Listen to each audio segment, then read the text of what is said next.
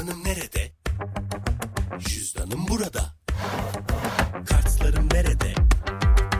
Cüzdanla burada. Kredim Nerede? cüzdanla burada. Fırsatlar nerede? Cüzdanla burada. Cebindeki cüzdanın artık mobilde. Hemen indir, anında kullanmaya başla. Yeni nesil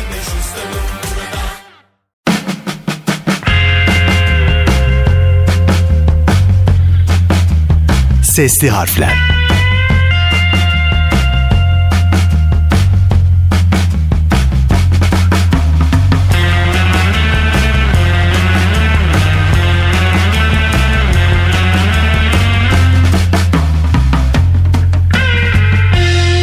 Yeni bir Sesli Harfler bölümünden herkese sevgiler, saygılar. Ben Bahri Fedai. Bugün de Sesli Harfler'de yeni bir icat konusunu masaya yatırıyoruz. Sesli harflerin bugünkü icat konusu sakız.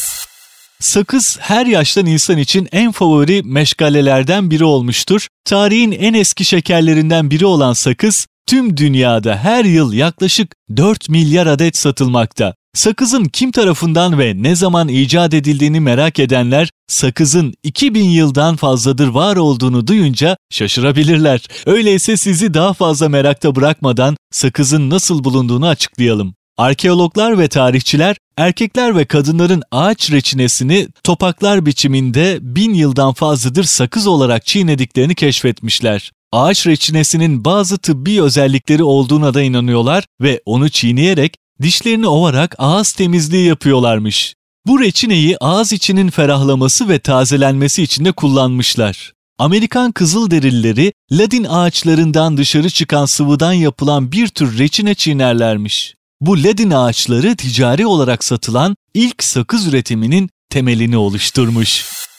Kızılderililerin ladin ağaçlarından çıkan sıvıdan yaptıkları reçineyi fark eden isim John Curtis olmuş. 1848 yılında ladin ağacı reçinesi üzerinde denemeler yaparak yapışkan lastik gibi bir malzeme elde etmiş. Bu çiğnenebilir bir malzemeydi ve sakızın önündeki ticari yolun açılmasına sebep olmuştu. İki yıl süren ladin ağacı reçinesiyle yaptığı başarılı deneylerden sonra ilk büyük sakız üretim tesisini açmış. Daha sonra sakıza aroma ekledi ve daha yumuşak ve ekstra lastik havası vermek için de içine parafin ekledi. Sakız üretim tesisine Curtis Sakız Fabrikası ismini verdi. Sakızın bugünkü modern özelliklere sahip olması için 10 yıl kadar daha bir süre geçmesi gerekiyordu. Bu özellik chicklee olarak bilinen Mezoamerikan ağaçlardan çıkan bir çeşit lateksin kullanılmak üzere Meksika'dan ihraç edilmesiyle kazanıldı. Aslında sakız tam olarak tamamlanmamış olsa da Fleer kardeşler bu haliyle de epey bir para kazandı. Tatlı materyaller üretme deneyleri yapan bu kardeşler daha sonra yaptıkları buluşa çiklet adını verdiler. Chicago merkezli William Wrigley isimli şirket sakız üretim işindeki en büyük oyuncularından biri oldu ve hala da en büyük şirketlerden biri olan bu kurum halk arasında Wrigley olarak bilinir. 1892 yılında William Wrigley tarafından kuruldu. Wrigley sakızları 2. Dünya Savaşı sırasında Amerikan askerlerinin streslerini rahatlatmak için bir araç olarak onlara sakız bağışlanmasından sonra özellikle popüler oldu.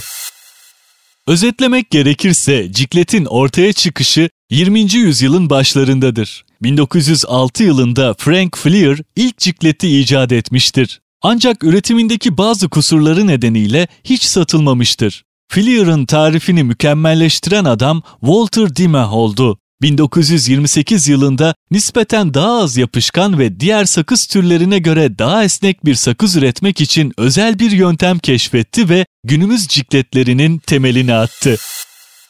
Bugünlerde sıradan sakızlardan binbir çeşit aromalı cikletlere ve tıbbi amaçlarla kullanılan sakızlara kadar değişen çeşitli türlü sakızlar mevcut. Bu tıbbi sakızlarda kullanılan malzemeler aynı zamanda ağız hijyeni için de iyi. Bazı üreticiler ise hazımsızlık ve mide ekşimesi için rahatlatma vadeden pepsin maddesini sakızlara eklemeye başladılar. Şu anda sürekli yenilikler ve benzersiz teklifler aracılığıyla birbirleriyle rekabet eden yüzden fazla sakız üretim şirketi bulunmakta.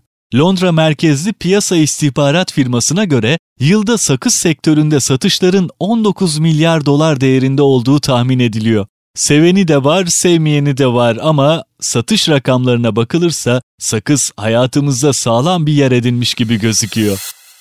Sesli harflerin bu haftaki bölümünde sona geldik. Dinleyen ve eşlik eden herkese teşekkürler. Hoşçakalın.